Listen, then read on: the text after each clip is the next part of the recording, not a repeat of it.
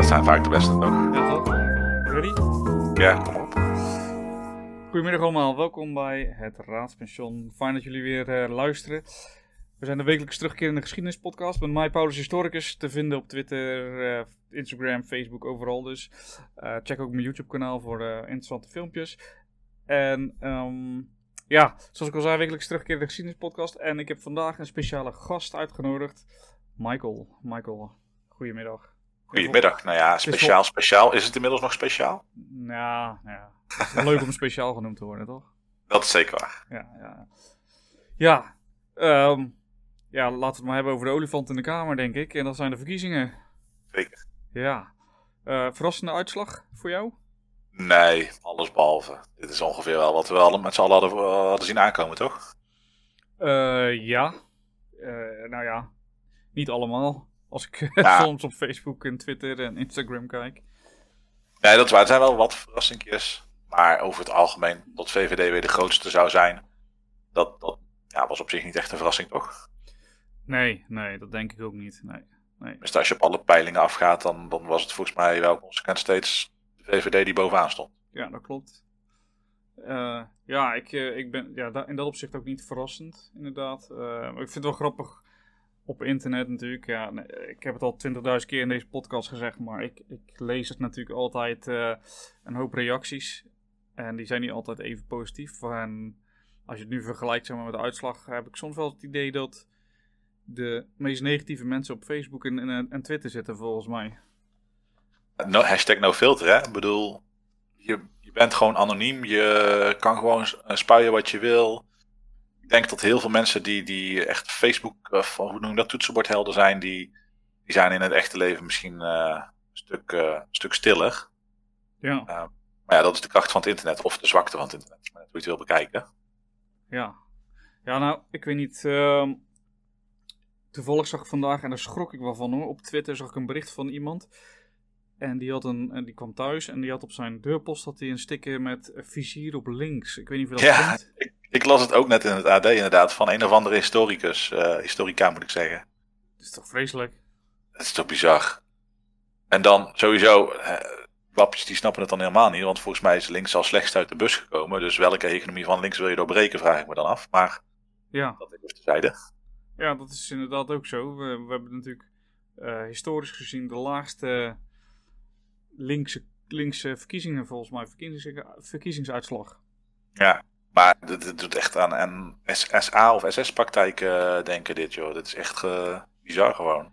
Dat vind ik grappig dat je dat zegt, want dat gevoel had ik ook precies. Uh, dat ik dacht van, wat is dit voor intimiteit? Hè? En als, of intimidatie moet ik zeggen natuurlijk. En dat is natuurlijk, als, als je kijkt van wat er vaak gezegd wordt, hè, we gaan naar een dictatuur. En weet je wel, met Rutte en whatever. En dan denk ik, dan kom jij met je vizier op links. Dan denk ik, als we het dan over dictaturen, hebben, dan is dit natuurlijk. Ja, dit is, dit is typisch voorbeeld van een dictatuur.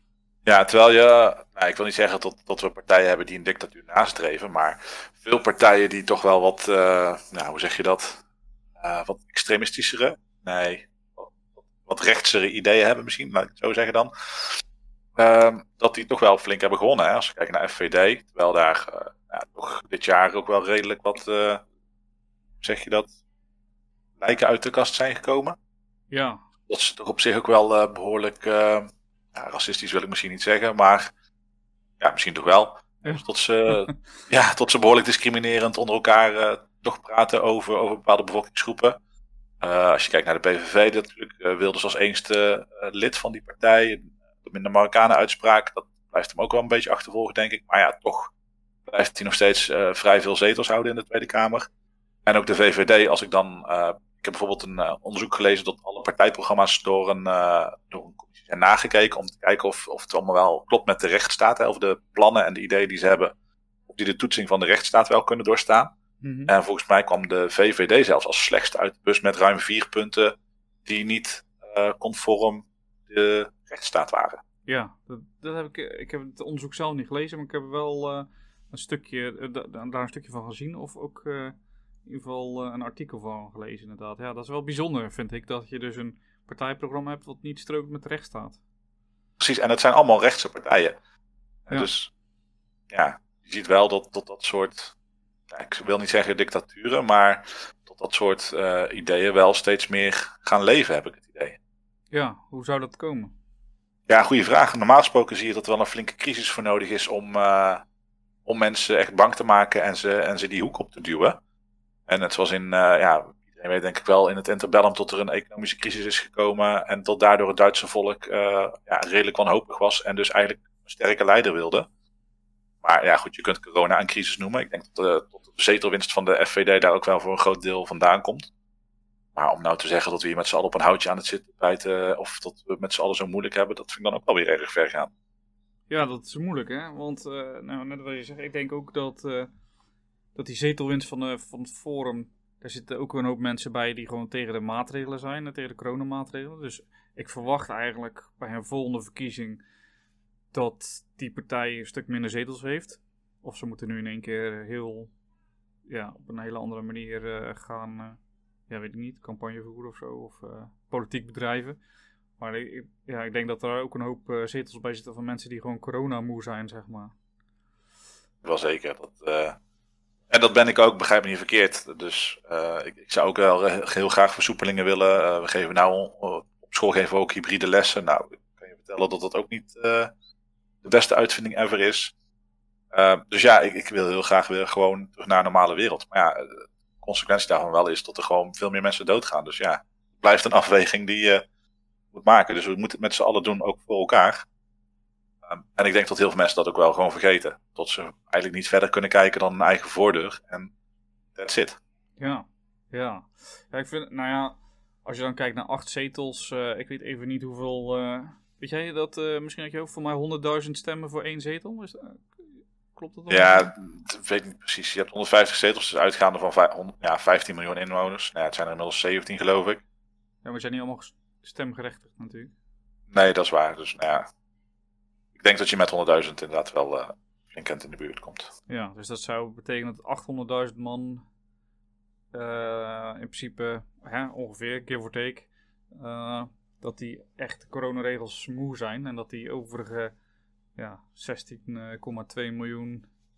Als je uitgaat van 17 miljoen mensen, dat, dat die niet coronamoe zijn. Of ja, misschien wel coronamoe, maar in ieder geval de, de, de zaken steunen, de maatregelen. Ja, de willen hebben om in ieder geval met z'n allen nog te doen. Ja, dus dat is wel interessant, hè. Als je, dat vind ik, als ik dan uh, natuurlijk lees, dan uh, ja, iedereen is het zat. En dan denk je, ja, uh, maar acht zetels, dat is niet veel van de 150, zeg maar. Dus is niet iedereen het zat, lijkt mij het. Ik denk dat er dus een overgrote meerderheid is die de maatregelen nog wel steunt. En, en daar dus ook actief, ja, actief in is om die regels na te leven. En, en ook dus nu heeft laten zien tijdens deze verkiezingen. Hè, van we zijn het gewoon, we zijn gewoon voor dat beleid. Ja. Maar dat is ook een stukje bubbel. Hè, en dat is natuurlijk ook wel een interessant onderwerp. Dat je ziet dat heel veel mensen dan zeggen, ja... Uh, in mijn omgeving heeft iedereen FVD of PVV gestemd en zo, maar uh, zo weinig zetels. En, en hoe kan het nou? En dan uh, komt, komt ook een stukje fraude weer. Hè? Ik zag zelfs al ergens staan bij een, uh, bij een nu.nl live uitzending, zag ik stop de stiel. Ja, dan, denk ik van ja, waar, waar zitten jullie? Hè? Het is ook een stukje bubbel. Hè? Het is ook niet dat andere mensen zeggen van ja, in mijn omgeving uh, stemt iedereen VVD of D66. Dus ik snap niet dat de FVD dan nog zoveel zetels uh, heeft natuurlijk. Hè? Dus ik vind dat wel ook een interessante... Ik moet, zeggen, ik moet zeggen, tot mijn omgeving redelijk divers is. Ik heb echt heel veel partijen voorbij horen komen die, uh, die hebben gestemd. Wat heb jij trouwens gestemd, Paul? Um, Als je dat moet zeggen. Ik heb strategisch gestemd, moet ik heel eerlijk zijn. En ik heb getwijfeld tussen D66 en Volt, die nieuwe partij. Hey, toevallig. Jij ook? Ja, ik, ik zat er heel erg over. Ik vond het inderdaad. Ik heb het programma doorgelezen. Ik vond het wel heel erg interessant. Alle punten ben ik het mee eens. Maar uh, ja, het kwam me heel erg overeen met, met, hoe ik denk over politiek en Europa. En ja, dat was wel heel erg interessant. Ja. Volt bedoel je dan? Ja. Ja, ja. Ja, ik had dat ook. Dus, uh, maar ik vond het lastig. Want ik, ik heb dus, zoals ik zei, strategisch gestemd. Omdat ik dacht van. Niet veel mensen gaan op Volt stemmen. En ik wil eigenlijk wel een partij die zeg maar, met je tegenhangt van, aan de VVD. Ja. Dus ik heb D66 gestemd. Ja, nou goed, dan, dan heb je wel een beetje dezelfde gedachtegang als mij gevolgd, denk ik. Um, ik heb inderdaad ook heel erg zitten twijfelen tussen Volt en D66. Ehm, maar ik zag ook bij beide partijen, heel veel mensen denken nog steeds D66 is een middenpartij, of misschien zelfs een beetje midden-links. Maar dat zijn ze volgens mij al lang niet meer. Ik zie D66 steeds verder naar rechts opschuiven. Um, ook als je kijkt naar bijvoorbeeld de basisbeurs die is afgeschaft, kom maar op. Um, dus ik heb zelfs iets van een stem op D66 is een stem op de VVD, want ik acht de kans gewoon behoorlijk groot dat die twee samen gewoon in een uh, regering gaan zitten. Uh, dus ik heb P van de A gestemd. P van de A? Ja. Die snap ik even niet. D66 op Volt en dan uiteindelijk stem P van de A. Ja, goed. Ik wil wel een partij die redelijk in het midden is, inderdaad. Want ik ben niet uitgesproken rechts of uitgesproken links. Uh, maar ik zie dus bij zowel Volt als, als uh, D66 dat ze een klein beetje meer naar rechts op aan het schuiven zijn. Wat ik op zich ook niet heel, helemaal erg vind. Want rechts is in Nederland nog steeds behoorlijk uh, democratisch, zullen we maar zeggen. Of hoe zeg je dat? ja, sociaal-democratisch. Um, maar ja, ik ben dus eigenlijk voor de partij gegaan die ik het meest midden-links vond. Oké, interessant. Dat heeft niet echt geholpen dan. nee, nee, daarom. Maar goed, alle beetjes helpen. Dus misschien uh, hadden ze anders nog net een zetel minder gekregen. Net. Ja, ja, ja, precies. Ja. Ik, ik, ik, vind, ik vind dat linkse geluid toch wel belangrijk, om dat toch nog wel gewoon in Nederland gehoord te blijven worden. Ja, ja. ja dat vind ik ook wel hoor. Maar ja, ook als je kijkt met de toeslagenaffaire, waar het eigenlijk bijna niet over is gegaan in de, of in de, in de campagnes. Het is toch door, uh, door een SP'er boven water gehaald. En CDA, toch? Pieter en, en, en, Pieter Omzicht inderdaad uit CDA. Ja. Maar volgens mij als SP wel de leidende, of de, de, degene die de trok, zeg maar. Ja, dan heeft ze er niet echt veel, uh, veel gebracht eigenlijk. Dat is wel zonde. Nee, ja, daarom. Maar ik vind het dus wel belangrijk om, om ja, ervoor te zorgen dat inderdaad niet het uh, rechtse kamp, ik wil niet zeggen xenofobisch, maar tot er wel gewoon een sociale ondergrond blijft uh, hier in Nederland. Ja, ja. Ja, dat was mijn redenatie denk ik om D66 te stemmen, om toch als die tegenhanger, zeg maar. Ja. Maar uh, ja, nou ja, goed. Ja, no, nogmaals, ik, ik, heb, ik heb volgens mij de vorige drie verkiezingen ook allemaal D66 gestemd. Dus wat dat betreft snap ik je, snap ik je voorkomen. Maar ik heb wel het idee dat D66 iets steeds iets meer naar rechts aan het afgeleiden is. Ja, ja. Um, ja heel, uh, heel Nederland denk ik. Als je ziet hoeveel mensen erop hebben gestemd. Ja. Ja, daarom. Toch wel inderdaad dat ze een alternatief zoeken voor iets op links. Hè? Want volgens mij heeft D60 de meeste zetels bij GroenLinks weggepikt. Ja. Er zit wel een heel groot verlies. Ja. Um, dus ik denk inderdaad dat mensen op zich wel sociaal willen stemmen en ook wel links willen stemmen. Maar dat, dat het wel gewoon een goede balans moet zijn van sociaal zijn, maar niet doorschieten in uh, allerlei dure maatregelen die niet betaald kunnen worden, zeg maar. Ja, beetje, ja, het is een beetje een lastige afweging, inderdaad. Ja, ja. lastig. Ja, ik denk dat ik uh, volgende keer dat, dat ik wel op Volt ga stemmen. Uh, gewoon, ik vind het gewoon, hoe zij een partijprogramma omschreven. Ik moet nog even zien natuurlijk hoe het de komende vier jaar aan toe gaat. Dat ga ik wel volgen. Ja. Maar, ik vond ze wel, ik vond een heel, een heel ander geluid, vond ik het. Ja, nee, daarom. Dus ik heb ook heel erg getwijfeld. Ik wilde het ook wel doen, maar inderdaad, net zoals jij zei, ik heb nog eigenlijk helemaal niks van ze gezien. Het is een hele kleine partij. Ik weet niet hoeveel mensen erop gaan stemmen. Ja. Um, dus ik zat heel erg in dubio. Het was echt uh, nou, bijna een muntje opgooien. maar uh, ja, uiteindelijk dacht ik toch van, ja, probeer toch dat, dat links nog een beetje in leven te houden. Ja, ja. Zou het een een tijdelijk iets zijn? Of zou het gewoon klaar zijn met de linkse partijen? Wat denk jij? Um, ik, ik, denk zelf, en dat, dat is dus ook wat ik zo interessant vond aan Volt, is ik denk sowieso dat de tijd van links en rechts voorbij is. Ja. Uh, ook als je kijkt naar uh, de PVV bijvoorbeeld, heel veel mensen zeggen dat het een rechtse partij is, hè, vooral vanwege de immigratie-ideeën uh, die ze hebben. Maar als je kijkt naar de economische plannen, dan is het natuurlijk links als maar zijn kan. Ja, grappig is dat, hè? Uh, ja, dus ik denk dat je, dat je gewoon per, per onderwerp bijna moet gaan kijken van welke oplossing hebben wij voor ogen en hoe staan wij daarin, wat vinden wij daarin uh, belangrijk. En ik denk niet echt dat je nog kan spreken van links of rechts. Ook als je zelfs als je naar de VVD kijkt, dan zie je uh, dat ook niet overal meer dat, dat marktwerking en die vrije markt uh, heilig zijn. Dat ze daar ook echt wel toch wat meer overheidsbemoeienis uh, voor ogen zien.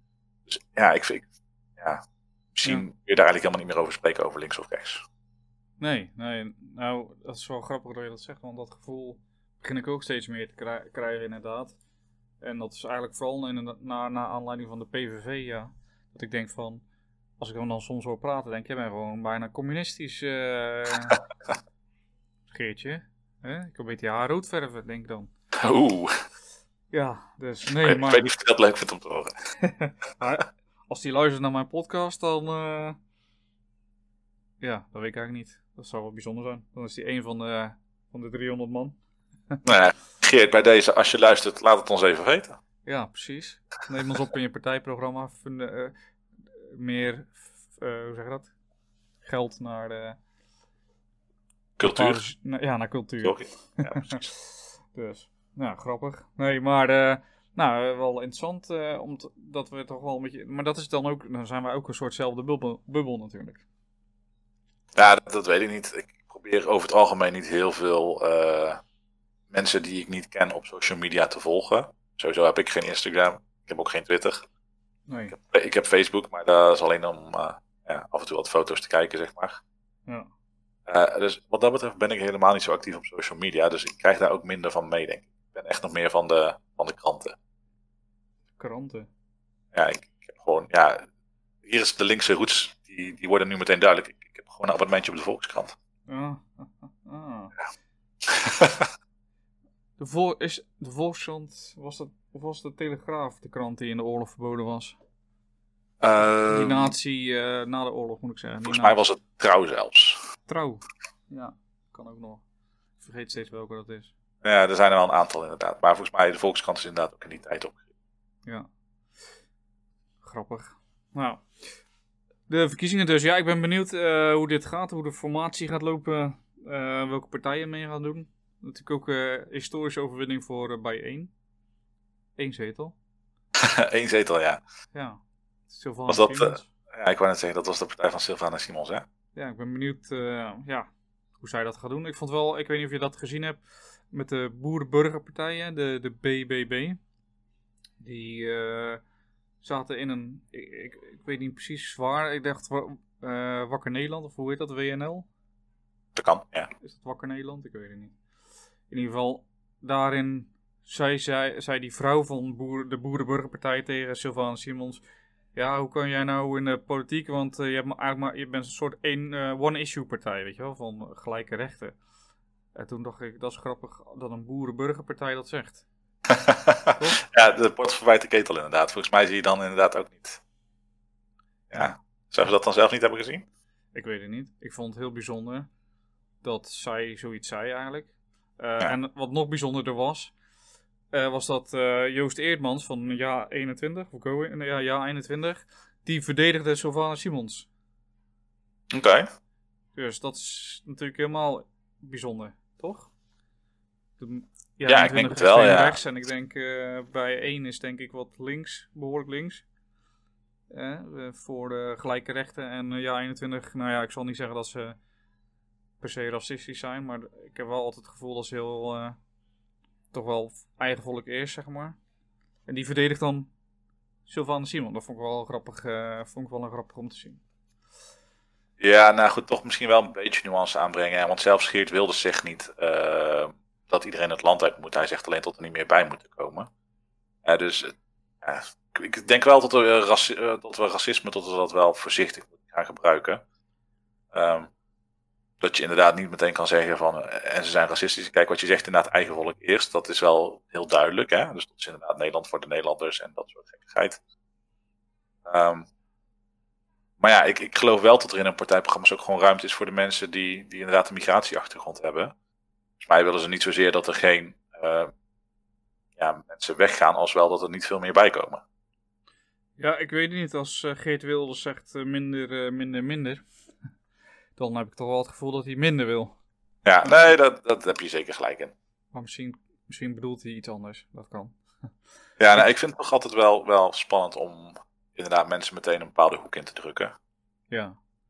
Nou ja, kijk, en dat is natuurlijk een ander eh, ding wat we natuurlijk zien. Hè. We zien ook heel veel demonstraties. Ehm, we zagen veteranen en eh, zorgpersoneel staan. Ehm, de vraag is of dat zo is. Ik heb met een veteraan, eh, een goede vriend van mij die ook eh, eens in de show komt, eh, Pascal, heb ik toevallig even gebeld om even te checken van hoe sta jij erin? Wat vind jij daarvan? Waren het veteranen überhaupt? Wat denk jij? Nou ja, hij gaf eh, in ieder geval aan van... ehm, ja, ik, ik moet me er nog even goed in verdiepen. Ik durf er geen uitspraak over te doen zonder dat ik zonder dat ik me daar goed in, in verdiep. Er gaan verschillende verhalen rond, zegt hij.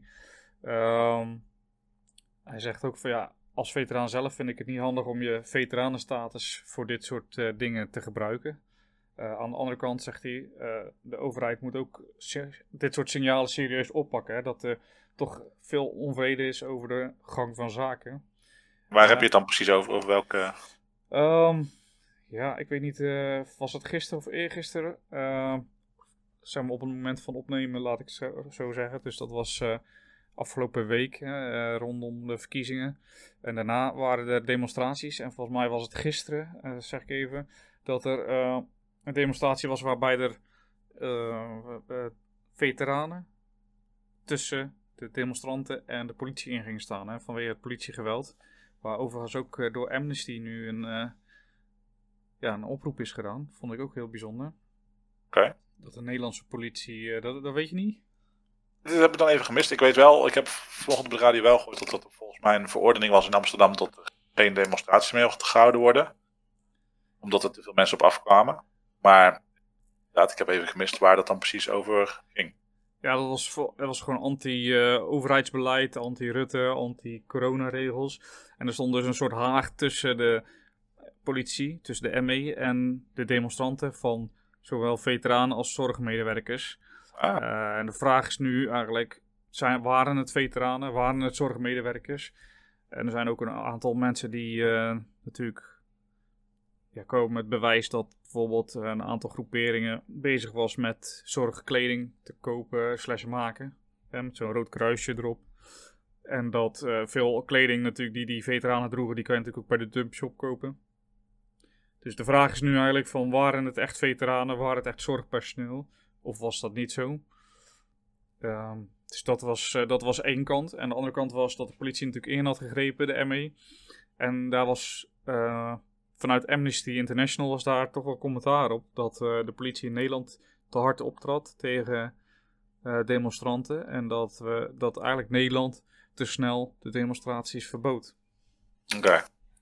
Dus dat is wel interessant.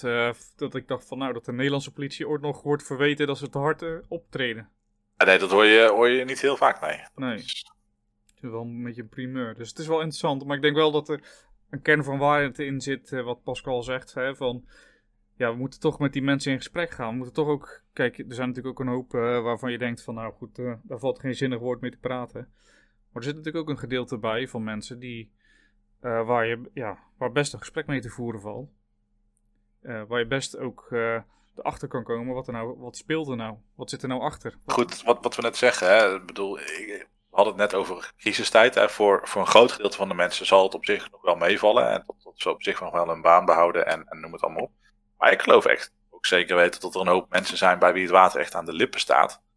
Uh, en die dit zeker voelen als echt een crisis waarbij ze bijna kopje ondergaan. Denk aan bijvoorbeeld de horeca, denk aan uh, bepaalde groepen ondernemers. Ik kan heel erg snappen dat je, dat je dan uh, denkt van jongens, mijn levensonderhoud gaat eraan. Ik weet niet meer wat ik moet doen om kop boven water te houden. Uh, ik moet hier iets mee. Ja. ja wat dat betreft uh, snap ik best uh, een beetje coronasteun. Gaat je zaak ook niet redden. Nee. Nee. Nou ja, ik, laatst zag ik op tv wel een horeca-ondernemer die was heel blij, want zijn huur werd betaald door de overheid. Dus hij kon, kon het weer langer uitzetten. En hij was eigenlijk heel tevreden met die steun. En dat zijn ook wel dingen, signalen, denk ik, die te weinig naar voren komen. Het is natuurlijk altijd heel negatief wat je ziet in het nieuws en wat je leest op internet en wat je in de krant uh, staat. Ook niet vaak een positief verhaal volgens mij. En eigenlijk zijn we juist nu in deze tijd meer op zoek ook naar de positieve verhalen. Ja, nou goed, met de vaccinaties hopelijk ook het einde in zicht. Dus we zien hopelijk steeds meer van die positieve verhalen. Ja, ja want eh, als je kijkt naar Israël, daar is alles weer gewoon open. Die zijn bijna helemaal gevaccineerd. Ja, ik heb het inderdaad, eh, ik heb het filmpjes voorbij zien komen. Hoe het uitdaagt. Ja. Wat, maar wat, wat, we hadden trouwens net over social media. Wat, wat, ik, wat misschien wel even van het hart moet. Ben je het daarmee eens of niet? Ben benieuwd. Maar dan uh, vaak zie je dan met, uh, op het moment dat leraren gingen protesteren, nog voor corona, over dat ze meer geld wilden en bla bla bla. Dan eigenlijk constant, als ik dan wel de reacties onder die nieuwsartikelen lees, dan constant worden docenten worden vergeleken met zorgpersoneel. Eigenlijk bijna bij welke discussie je dan ook eh, hebt, Ja. bijna altijd wordt er eh, een vergelijking gemaakt van docenten vergeleken met zorgpersoneel. Dan gaat het over hoeveel je betaald krijgt, of hoeveel uren je moet maken, of hoe zwaar het werk is, of allemaal. En dan denk ik bij mezelf, nou, we hebben ook inderdaad best veel raakvlakken. We worden allebei betaald door de overheid, we leveren allebei een redelijk essentiële dienst. eh, allebei zware, zware punten op het vak.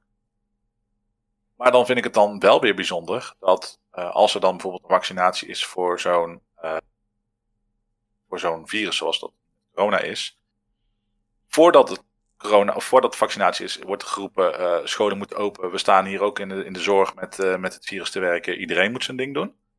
Hè, dus doe gewoon je ding, ook al kunnen we thuis werken. Ga gewoon open. Mhm. Eh, maar vervolgens is zo'n vaccinatie er. En dan ineens is het zorgpersoneel is wel belangrijk genoeg om vooraan in de rij te gaan staan. Maar docenten mogen nog steeds in klassen met, met 15 leerlingen een risico op zich nemen. Dan denk ik bij mezelf, dan vind ik het dan wel weer scheef. Dat er aan de ene kant wordt gezegd van ja, wel scholen open, want het is allemaal zo belangrijk en bla bla bla. Maar aan het eind van de rit is het dus voor ons niet belangrijk genoeg om eerder die vaccinaties te krijgen. Dat vind ik dan wel weer een beetje dubbel. Maar ik ben benieuwd wat jij ervan vindt. Ja, die zegt natuurlijk veel dingen eh, waar ik wat van vind. Hè, Ten eerste vind ik de vergelijking tussen onderwijs en zorg, dat kan niet. Weet je, als docenten demonstreren, dan irriteer ik me kapot aan mensen die dan gaan zeggen, ja, in de zorg moeten we ook hard ja. werken. Ja, denk ja, iedereen moet hard werken. Iedereen komt voor zijn eigen hachje op. Eh, waarom als een docent dan, eh, dan eh, gaat demonstreren, dan in één keer moeten we ook zien dat we zoveel weken vakantie hebben, bijvoorbeeld. En dat andere sectoren dat niet hebben. Nou, ik kan je vertellen, ik heb in heel veel sectoren gewerkt. Ook onderwijs, maar ook in de gevangenis, ook in, in horeca. Geloof mij, je kan nog eh 30 weken vakantie eraan plakken, maar het is gewoon fucking hard bikkelen in, eh, in het onderwijs. Mentaal en eh, is het echt hard. Het is echt hard werken, zeker in het speciaal onderwijs. Eh, dus dan vind ik die vergelijking, denk ja, weet je, eh, jullie, weten, jullie weten het niet. Kom, kom één dag voor de klas staan met je, met je als, als zustertje, hè. Kom maar een dag voor de klas staan. En andersom ook, hè. Laat ik er wel wezen. eh, ik zou echt niet moeten denken aan op zo'n verzorgafdeling dat ik de hele dag met die mensen, weet ik veel, billen moet poetsen, drinken, whatever. eh infusen aanleggen, eh, mensen in de gaten houden. Dat zou niks voor mij zijn. Maar andersom dus ook niet. Echt, Maar je kan het niet vergelijken, weet je. Het is, het is, eh, je kan niet zeggen van een ander beroep, het is niet zwaar of zo. Want wij moeten harder werken. Dat vind ik sowieso nergens op slaan. Echt, als je dat zegt, dan, ja, ben je voor mij, wat mij betreft, al een pannenkoek. Eh, dus dat eh, als eerste. Als tweede, ja, ik vind het lastig te inschatten of eh, docenten voorrang moeten krijgen op eh, inentingen. Ik zou zeggen van wel, het is een eh, essentieel beroep. Anderzijds heb je natuurlijk ook het feit dat leerlingen niet zo besmettelijk zijn. Of niet zo snel het virus hebben. En dat overdragen op docenten. Dat gezegd hebbende, weet ik uit de praktijk, bijvoorbeeld de, de muziekdocent van mijn dochter. Die was eh 40, 45, zoiets. En die is overleden aan corona. Eén op de andere Hey. dag, hartstikke gezond. De andere dag eh, met je hoesten. De dag erop eh, lag hij eh, met een buisje in zijn keel eh, op zijn buik in de, op de IC. En eh, niet lang daarna overleden. Eh, ik weet ook van collega's eh, die hebben. eh Eén collega die heeft de moeder, de schoonvader en de zus binnen twee weken moeten begraven eh, vanwege corona. Ja, weet je, moeilijk. Ik vind het moeilijk. Ik vind dat iedereen zo snel mogelijk die inenting moet krijgen. Anderzijds, jij zegt, als je, als je op kantoor zit en je kan thuiswerken, dan loop je minder risico. Kan het langer duren voor je zo'n vaccin krijgt. En ja, onderwijspersoneel, op het moment dat je de scholen opengooit, ja, dan, dan lopen ze wel een vergroot risico. eh, dus is het logisch als ze ook ingerend worden. Ik vind het wel logisch dat je eerst de zorg doet, dat, dat wel. Maar daarna zou eh, zo'n sector als onderwijs natuurlijk heel logisch zijn om daarna te vaccineren. Nou, nou ja, goed, heel duidelijk. Ik was gewoon even nieuwsgierig wat jij, er, eh, wat jij ervan dacht. Ja, dus. Maar ik vind de vergelijking die ze had maken, vind ik echt, eh wil ik nog maar eens een keer benoemen. Kijk lekker naar jezelf en ga dan zelf ook staan te demonstreren als je het zo slecht hebt in de zorg. Doen ze volgens mij ook. En Ja, dan- nee, dat dan- als water. Maar het grappige is dat je dan nooit een docent hoort zeggen, in het onderwijs moet je pas hard werken. Eh, dat is volgens mij juist wel wat ze zeggen, want daarvoor willen ze toch loonsverhoging.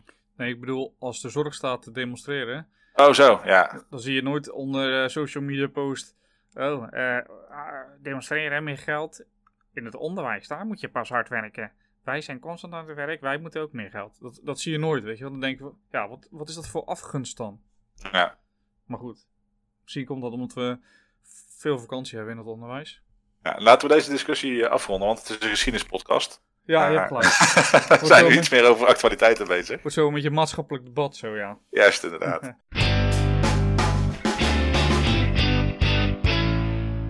Ja, want waar komt onze democratie vandaan? En jij zei, ik ben daar expert op. Dus ik ben... eh, Oh, oh, oh. Hey, ik ben mijn woorden gaan we draaien. Ik zei, ik weet er wat van.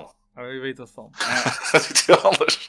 ja, nou goed. Kijk, eh, het begint natuurlijk... wa- Ja, waar begint het? Ik, ik zie het begin in de Franse revolutie. Ik weet niet hoe jij dat ziet. Of misschien daarvoor zelfs wel. Maar zeg, je kan het helemaal terugvoeren op de oude Grieken natuurlijk. Ja, maar dat...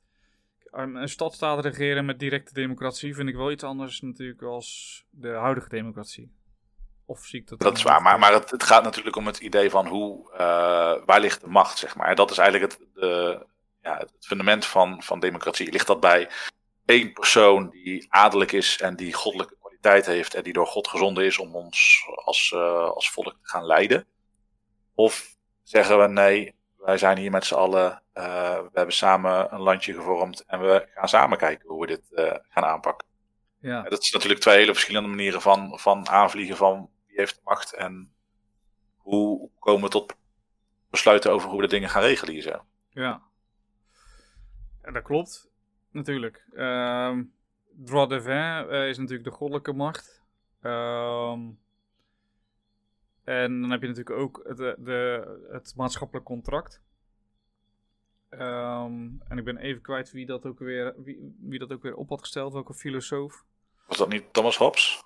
Dat zou best kunnen. Eh, ik dacht aan John Locke, maar dat is het Zou niet, ook mij. Maar dat, daar gaat natuurlijk om dat je als maatschappij afspreekt van... hé, we leggen ons, onze ehm, welzijn leggen we bij een centraal orgaan neer. eh, of een centraal persoon neer. Wij geven eh, hem de macht en hij moet regeren over ons... en onze beste interesses nastreven om ons vooruit te helpen. En als dat niet zo is, dan kunnen wij die macht als volk, kunnen wij die ook weer afnemen. En dat is dat sociaal contract, hè, dat je met elkaar afspreekt, we werken samen. En dat doen we door één persoon de leiding te geven, of hoe we het nu hebben geregeld natuurlijk, eh, eh, één of meerdere partijen. Ehm, ja, en dat begint natuurlijk met de, tijdens de verlichting begint dat natuurlijk al, die, eh, die discussie. Maar ik denk dat de eerste democratische revolutie die echt plaatsvond, was in Nederland. In ons eigen landje. En dan heb je het over de Nederlandse opstand. Ehm, nee, Eh, dat is een beetje te vroeg, denk ik. Ik denk eh, vlak voor de Franse Revolutie is er in Nederland ook een, eh, een revolutie gaande hè, tegen koning Willem V. Niet, niet stadhouder Willem V bedenken. Eh, sorry, ja, stadhouder. Je hebt helemaal gelijk. Koning is natuurlijk pas na, de, na Napoleon Fransen. eigenlijk. Na de Fransen. De stadhouder Willem V, die op dat moment eh, stadhouder is. Hè, wat eh, min of meer inhoudt dat hij eh, koninklijke macht heeft. Daar, daar lijkt het op een gegeven moment een beetje op. En het volk is daar tegen en die is het zat. En die pleegt eigenlijk onder de aanvoering van... ehm, eh, niet de orangisten, maar de... Ik vergeet deze. Hoe kan ik die naam vergeten? Zijn het staatsgezinden? Mij wel. Ja. Die, ehm, die plegen een soort coup eigenlijk tegen eh, Willem V. En eh, dan kom je bij het, eh, bij het stukje dat zijn vrouw... ehm, dat hij niet meer verder mag. En die mag Den Haag niet in. Maar helaas is de vrouw van Willem V... de zus van de koning van Pruisen. Dus die stuurt troepen naar Nederland om, de, om het gezag te herstellen. Die, die volgers, die staatsgezinden, zeg maar, die vluchten naar Frankrijk. En daar ontketen zij min of meer de Franse revolutie. Eigenlijk gewoon aan die gekke Hollanders te danken. Ja. Maar was de Amerikaanse revolutie daar dan niet voor nog? Ehm, Amerikaanse revolutie is. Wanneer is die? In eh, 1775. Ehm, dat is een goede vraag. De Amerikaanse revolutie voor de Franse revolutie. En de Amerikanen claimen ook altijd om de eh, oudste democratie ter wereld te zijn. Ja, ja, dat klopt. Want Nederland was natuurlijk. eh, het gezag werd hersteld. door de Pruisische troepen. Dus op dat moment is, is Nederland nog steeds geen democratie. Dus dat, kan wel, dat kan wel kloppen. Het ligt ook een beetje aan natuurlijk als je kijkt naar de Nederlandse Gouden Eeuw. Hè. Dus op het moment dat wij na de opstand tegen Spanje krijgen we natuurlijk ook een soort, ja, het is een republiek. Is het echt een democratie? Dat is nog de vraag. een oligarchie kunnen noemen, denk ik. Ja. Die, die predates natuurlijk wel de Amerikaanse democratie. Maar de Amerikaanse democratie is natuurlijk wel echt een democratie. Um, Ook daar kan ik zelfs nu nog mijn vraagtekens bij zetten, maar vooruit. Ja, dat, ja, dat is waar. Ik bedoel, als je kijkt hoe het twee partijen systeem uh, en die kiesmannen vind ik ook vind ik een bijzondere manier uh, natuurlijk.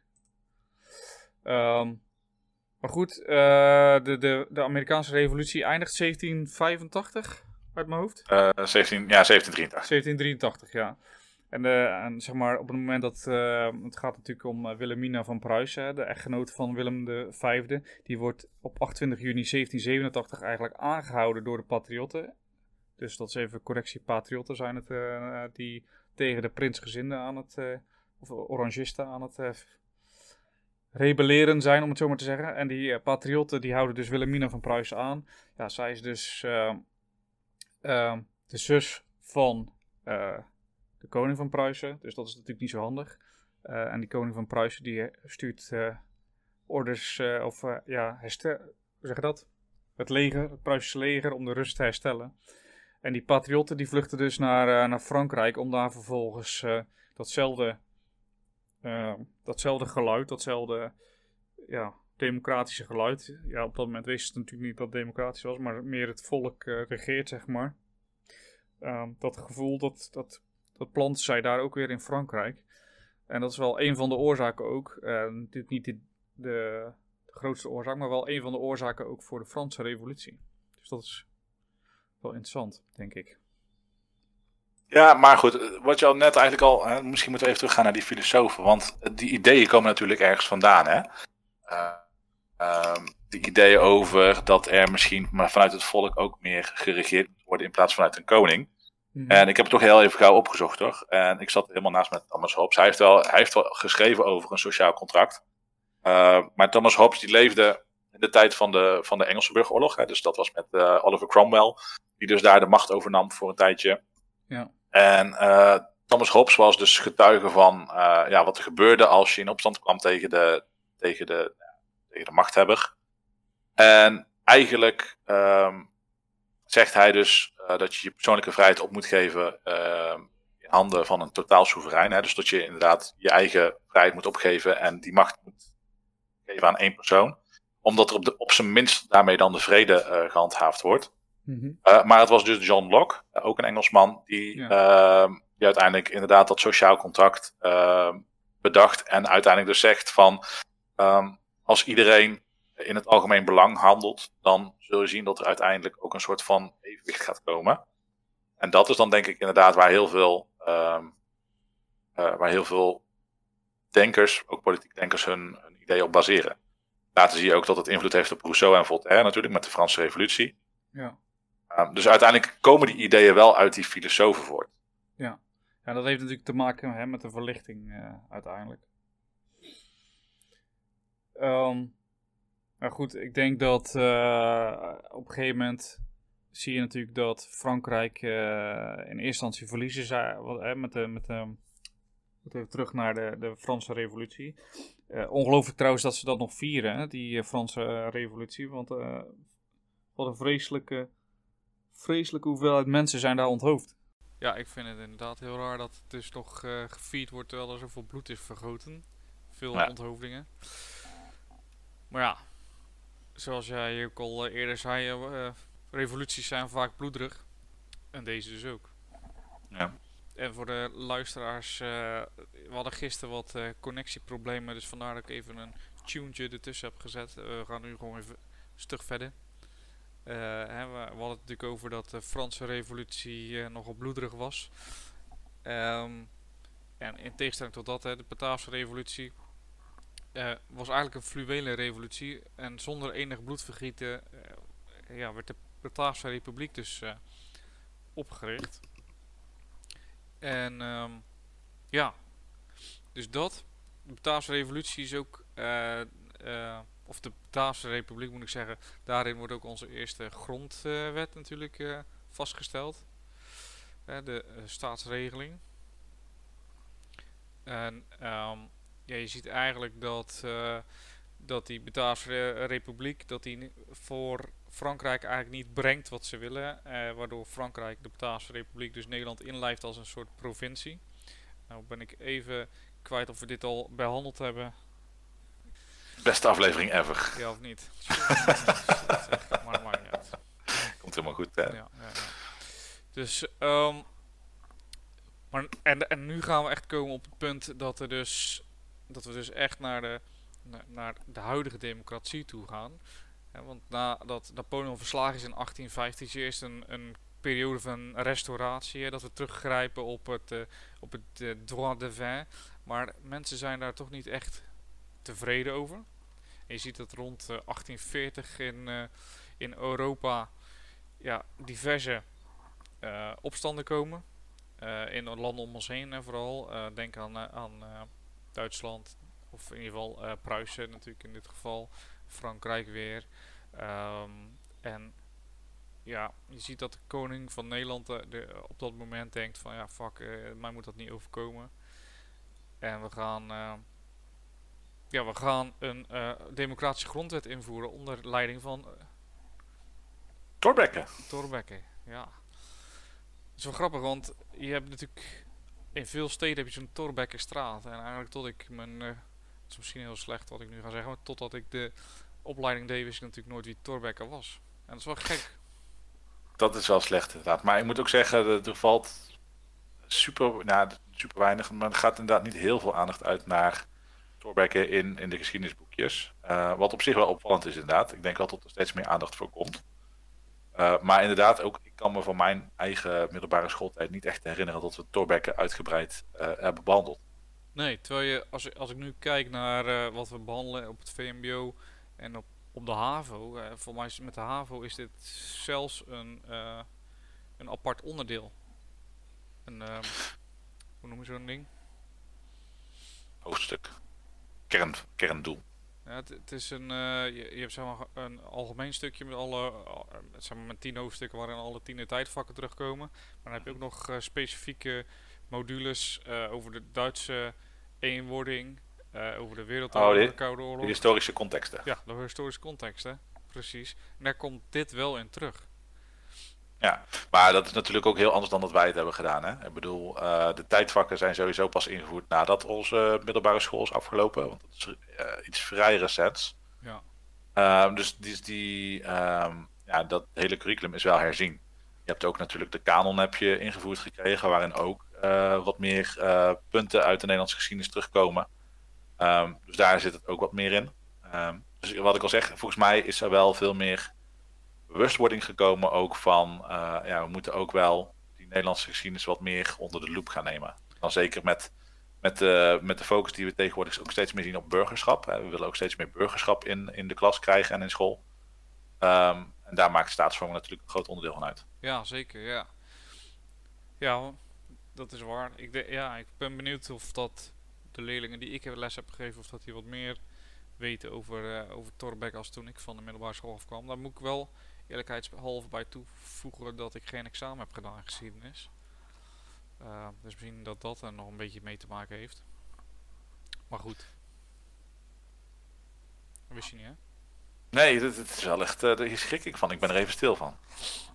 Heb jij wel examen gedaan? Uh, ja, ik, ik, heb, het, ik, moet wel zeggen, het was een krappe voldoende. Dus uh, het was geen gouden griffel met een 8 of zo. Maar ja, ik heb hem wel goed, goed afgestoten. Inderdaad goed bezig. um, in ieder geval in 1848 dus. Uh, even terug naar, naar die uh, Johan Rudolf Torbekke. Die, um, die mag de nieuwe grondwet schrijven. En uh, hij had al langer de plannen natuurlijk. Hè. Hij was een, een liberaal. En liberaal staat op dat moment voor eigenlijk het stukje um, dat je zelf verantwoordelijk, verantwoordelijk bent voor, je, voor je eigen geluk. En het staat er ook voor dat hij stond er ook voor dat het volk natuurlijk door middel van verkiezingen mocht kiezen. Ehm, maar... Je hebt natuurlijk de verschillende vrijheden, die ook heel erg liberaal zijn. Meer vrijheid, niet alleen van, vanuit de overheid, maar ook meer persoonlijke vrijheid. Ja. Oh, wordt gebeld. Oké, wat een aflevering. Oké, persoonlijke vrijheden. Vertel, meer vrijheden. Ja, dus je ziet ook meer inderdaad de vrijheid van meningsuiting, dat soort dingen zie je ook meer opkomen. Ja, en dat is natuurlijk vooral om, om zo, zo min mogelijk overheidsbemoeienis te krijgen. Omdat je natuurlijk net die industrialisatie hebt die op gang aan het komen is. En ja, hoe meer vrijheid je hebt om je eigen uh, toko te leiden, hoe, uh, hoe meer geld je kan verdienen. Ja. Ja, en eigenlijk um, ook vanwege de ongeregeldheden in uh, Europa en ook in Nederland kwamen er weer wat, wat opstootjes. besloot Willem II op in één nacht was hij om van, ja, hoe je dat, conservatief naar uh, zeer liberaal. Hm. En hij uh, tekende dus de grondwetswijziging. En ja, dat is eigenlijk een beetje de, de grondlegger voor het huidige bestel natuurlijk van, ja, van onze huidige overheid. En weet je toevallig ook waar de Eerste Kamer vandaan komt, Michael? De Eerste Kamer is volgens mij gewoon onderdeel van de Staten-Generaal. En wordt natuurlijk nog steeds de Senaat genoemd. Dus uh, wordt gekozen vanuit de provinciale staten. Uh, en dus niet direct verkozen, net zoals de Tweede Kamerleden. Klopt, ja. Alleen hij komt oorspronkelijk, en dat is wel grappig, misschien ook een leuk weetje. in 1815 uh, eh, wordt natuurlijk het Koninkrijk der Nederlanden min of meer gesticht. En België valt ook onder dat koninkrijk. En om de Belgen een beetje tevreden houden, te houden, maken ze de Eerste Kamer, waarin de, de edelen van, uh, van België plaats mogen nemen om met je mee te, ja, hoe zeg je dat? Mee te regeren. En uh, ja, daar hebben wij dus nu die Eerste Kamer aan te danken. En in principe waren de rollen toen de tijd omgedraaid. Hè. In de Eerste Kamer kwamen er vooral wetsvoorstellen werden daar gemaakt. En die werden door de Tweede Kamer gecheckt. En dat is nu natuurlijk andersom eigenlijk. Oké, oh, dat is wel een grappig weetje, dat wist ik inderdaad niet. Oh, en dat zonder dat ik examen heb gedaan. ja, en dan nog was het voor die Belgen niet genoeg, hè? Nee, nee, nee, uiteindelijk niet. Um, ze, ja, er zijn natuurlijk meerdere oorzaken waarom die afscheiding natuurlijk is uh, geweest. Maar dat is misschien interessant voor een andere podcast. Voor een andere aflevering van de podcast. Ik weet niet of je binnenkort nog wat te doen hebt. Meer dan genoeg. Ja, maar ik, voor jou vind ik altijd tijd, Paul. Top, top, top. Nee, maar um, ja, en vanaf 1848 zie je dat uh, uh, op dat moment was er nog was er kiesrecht, maar was er census kiesrecht. Dus dat betekent dat je op het moment dat je bepaalde ja, uh, hoeveelheid geld verdiende en belasting betaalde, dan pas mocht je echt meestemmen. En je ziet dat die, ja, die grondrechten natuurlijk steeds, of dat stemrecht en de grondrechten steeds meer uitbreiden. Ja, ook niet onbelangrijk is, je moest inderdaad wel man zijn. Oh ja, dat is een hele goede inderdaad. Um, ja, mannen mochten stemmen als ze een bepaald vermogen hadden. Ehm, en dat veranderde natuurlijk eh, in 1919. Uh, ehm, veranderde dat na de schoolstrijd en kwamen ook, uh, mochten ook vrouwen stemmen. Daarvoor mochten vrouwen overigens wel gekozen worden. Dat is natuurlijk wel bijzonder. Eigenlijk. Ja, ja het verschil tussen actief en passief kiesrecht. Ja. Nou ja, en nu zitten we dus uh, met deze verkiezingsuitslag. Ik ben benieuwd. Um, ik weet het niet. Ik weet niet hoe het verder loopt. Ik, uh, ik hoop dat we snel een uh, formatie hebben. Met een kleine, een zo klein mogelijke regeerakkoord. Ik weet niet of je toevallig de aflevering van Zondag met Lubach hebt gekeken gisteren. ik heb stukjes gezien, maar nog niet helemaal afgekeken. Okay. Welk stukje wil je Nee, ja, eh, het ging over het regeerakkoord en daar hadden we, had ik natuurlijk nooit zo uh, diep over nagedacht. En hij analyseert dat dan weer ijzersterk natuurlijk. Maar het regeerakkoord is natuurlijk een akkoord tussen de partijen die gaan regeren. En daarin staan eigenlijk de hoofdzaken waar ze wel of niet over gaan praten. Of hoe ze dat onderling geregeld hebben als kabinet zijnde. En dat betekent eigenlijk hoe meer je daarin vastlegt, op, hoe, dieper de, in, in, zeg maar, hoe dieper de details zijn, hoe hoe minder kans of hoe minder ruimte er is voor de, voor de oppositie eigenlijk om nog ergens over te debatteren. Mhm. Dus hè, op het moment dat een minister een bepaald beleid doorvoert dan, en de Kamer debatteert erover, dan zegt die minister in dit geval vaak van ja, het staat in de in het kabinet uh, of in het uh, regeerakkoord. Hè, daar kan ik niks aan doen. Dat is gewoon staat in het regeerakkoord. Dat betekent ook dat alle, alle partijen die meedoen, dus ja, je hebt natuurlijk als het goed is een meerderheid dan in de Tweede Kamer. Al die, al die ministers of al die, hoe zeg je dat? Al die mensen die in de Tweede Kamer zitten, van die partij moeten dan natuurlijk ook akkoord zijn met dat. die kunnen niet tegenstemmen bijvoorbeeld. Nee. En dat is natuurlijk wel de kracht op het moment dat je uh, een democratie hebt en je hebt niet dat allemaal vastgelegd. Dan kunnen dus ook partijen op een andere manier daarmee omgaan. En dat zag je bijvoorbeeld met, op het moment dat we demissionair werden, een demissionair kabinet hadden. Dan, toen verviel natuurlijk de. de het regeerakkoord. Ja, toen verviel het regeerakkoord. En toen konden dus ook. ja, deelnemers van de Tweede Kamer, van, ook al was het een regeerpartij, konden zij ook tegenstemmen, tegen een bepaald beleid stemmen. En dat was natuurlijk wel interessant. En, en dat is natuurlijk eigenlijk wat de democratie inhoudt. Hè. Op het moment dat je alles vast gaat leggen in dat regeerakkoord, dan zet je min of meer de democratie buitenspel door alles eigenlijk al geregeld te hebben. Of in ieder geval de Tweede Kamer zet je buitenspel, laat ik dan niet zeggen. Democratie. Ja, maar... Ehm, weet niet, is, is, het, is het bestuurbaar om dan voor elk probleem, uh, voor elk wetsvoorstel, iedereen apart te laten stemmen? Nou ja, dat is natuurlijk waarom ze eigenlijk zo'n regeerakkoord sluiten. Juist, want volgens mij eh, moet je natuurlijk ook de praktische kant natuurlijk wel bekijken. Um, want ja, je hebt wel gewoon een land te besturen. En als je voor elke, elk wetsvoorstel alle neuzen weer dezelfde kant op moet gaan krijgen, dan, dan ja, wordt er uiteindelijk niet zo heel veel gedaan, denk ik. Nee, precies. Dus er zitten twee kanten aan natuurlijk. Uh, En dat maakt het dan wel weer interessant. Alleen, ja, de vraag is natuurlijk... Ja. Wat wel interessant is, is als we het toch hebben over die, die uh, grondwet van 1848, dat de, in eerste instantie de Nederlandse uh, verkiezingen geen directe verkiezingen waren zoals nu, maar meer gestructureerd zoals het nu is in Amerika. Dus dat je een districtenstelsel had waarbij er dus per, per regio eigenlijk werd gestemd. Um, wie er uiteindelijk in de Tweede Kamer kwam voor die regio. Um, dus op die manier zie je ook dat de vertegenwoordiger in de Tweede Kamer ook echt de vertegenwoordiger van een bepaald gedeelte uh, van Nederland was. Um, dus op het moment dat je inderdaad voorstelt om uh, terug te gaan naar uh, dat elke persoon gaat kijken naar welk, welk wetsvoorstel heeft dat voor invloed op mijn regio en ben ik daarvoor of ben ik daar tegen, dan zou je misschien ook meer naar zo'n soort van stelsel terug moeten. Ja, klinkt wel interessant eigenlijk. Zou dat, uh, zou het nu, nu zie je natuurlijk eigenlijk uh, dat de, de buitenregio's, hè, de regio's die niet bij de Randstad horen, laat ik het zo zeggen, die voelen zich natuurlijk vaak niet vertegenwoordigd.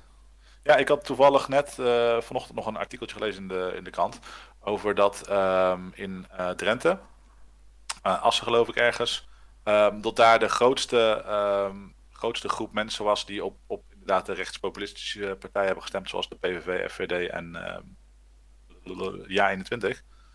En dat dat dus inderdaad verklaard wordt door vooral uh, te wijzen naar proteststemmen, omdat ze dus inderdaad denken dat ze uh, vaak toch wel uh, vergeten worden door Den Haag. Ja, ja dan zou zo'n zo'n kiesstelsel toch wel een soort oplossing zijn, misschien. Ja, dat, dat weet ik niet.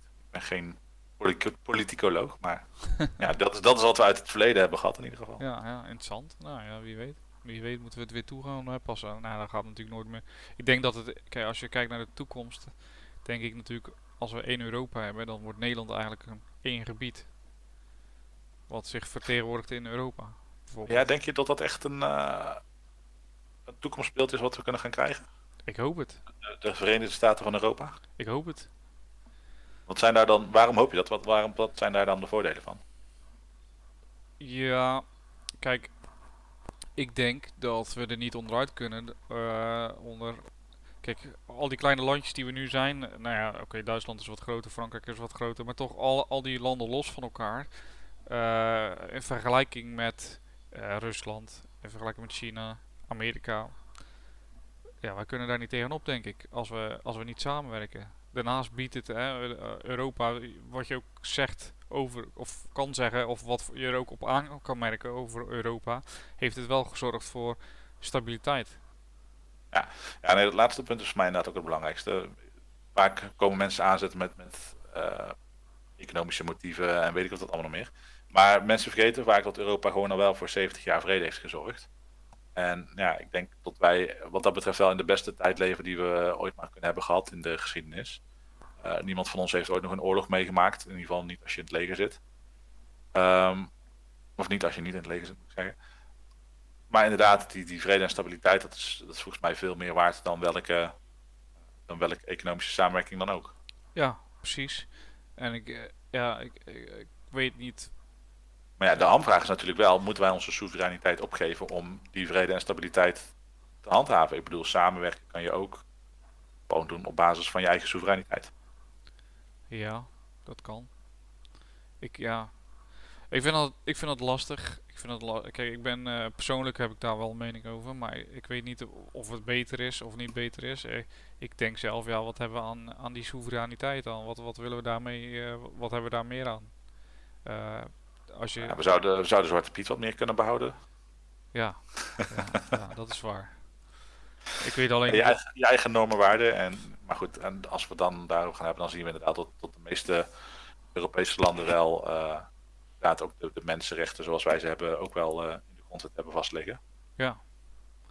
Ja, ik denk dat dat uh, um, natuurlijk ook de grondslag is voor ons Europa, onze gezamenlijke normen en waarden. Dus ja, als je die dan vastlegt door... het kan natuurlijk een losse federatie zijn of zo, hè? nu zijn we aan het speculeren over de toekomst. En, uh, maar ja. het is toch ook wel in principe wat we doen met verkiezingen. We speculeren toch over wat er gaat gebeuren en uh, welke partij wij denken dat ons daar het beste doorheen kan krijgen. Ja, precies. Ja. Ja, ik uh, kijk, waarom zou je het niet vast kunnen leggen in een verenigd Europa en dat daar boven een soort ja, weet ik veel, Europese Commissie zoals we het nu kennen of een Euro ja, ja, in zo'n geval zou er wel veel moeten veranderen. Ik denk inderdaad dat, dat Europa wel echt een stuk democratischer nog kan. Ja, zeker. Dan dat dat nu is. Zeker. Ja, ben ik helemaal met je eens. Uh, je zou natuurlijk, uh, daar gaan we natuurlijk heel erg speculeren, maar je zou natuurlijk gewoon een soort landelijke verkiezing en vanuit die landelijke verkiezing uh, verzend je, zend je een één of meerdere delige afgevaardigden naar het Europees Parlement. Ik noem iets geks. Ja, doen, doen we eigenlijk al volgens mij. Ja, maar ja, de, de invloed van het parlement is natuurlijk nog niet zo heel groot. Het meeste wordt gedaan door de commissie en de raad van ministers. Ja. Um, daar worden de echte besluiten gemaakt. En het parlement, dat is er wel, maar heeft volgens mij geen uh, bevoegdheden om wetsvoorstellen goed dan wel af te keuren. Of tenminste niet zonder instemming van de raad van ministers en de Europese commissie. Ja, ja ik denk dat inderdaad, het, er is nog veel te hervormen, denk ik. Uh, we zijn ook heel snel gegaan, hè? dat moeten we ook wel uh, realiseren van van uh, de Tweede Wereldoorlog en Koude Oorlog. Ja, vanaf de Tweede Wereldoorlog natuurlijk naar hoe we nu samenwerken. Dat is wel heel snel gegaan. En het is ook logisch dat daar gewoon nog dingen in zitten die nog uitgekristalliseerd of veranderd moeten worden. maar ik denk niet dat, het, dat we terug moeten naar een, naar een, Nederland zonder Europa, zeg maar. Een soort uh, nexit of iets dergelijks. Ik denk dat we dan onszelf heel erg in de vingers snijden. Dat denk ik zelf ook wel inderdaad. Maar goed, je weet het niet kan niet in de toekomst kijken, gelukkig. Of jammer genoeg, ligt eraan. ja, dat zou wel, ja, ja, dat zou op zich ook wel, misschien ook wel leuk zijn om een keer over te speculeren in een podcast. Als je gaat kijken naar de geschiedenis, wat brengt de toekomst ons dan? Ja, nou, misschien een leuk, uh, leuk idee voor de volgende aflevering. Wie weet. Ja. Zo gaan we een beetje van hot naar her eigenlijk deze, deze aflevering. van maar de, de hak op de tak. Ja, van de hak op de tak. Maar uh, ja, hopelijk is het wel interessant nog om te luisteren. Um, ik denk uh, dat, het, uh, dat het wel goed is om af te gaan sluiten voordat we helemaal wild groei krijgen.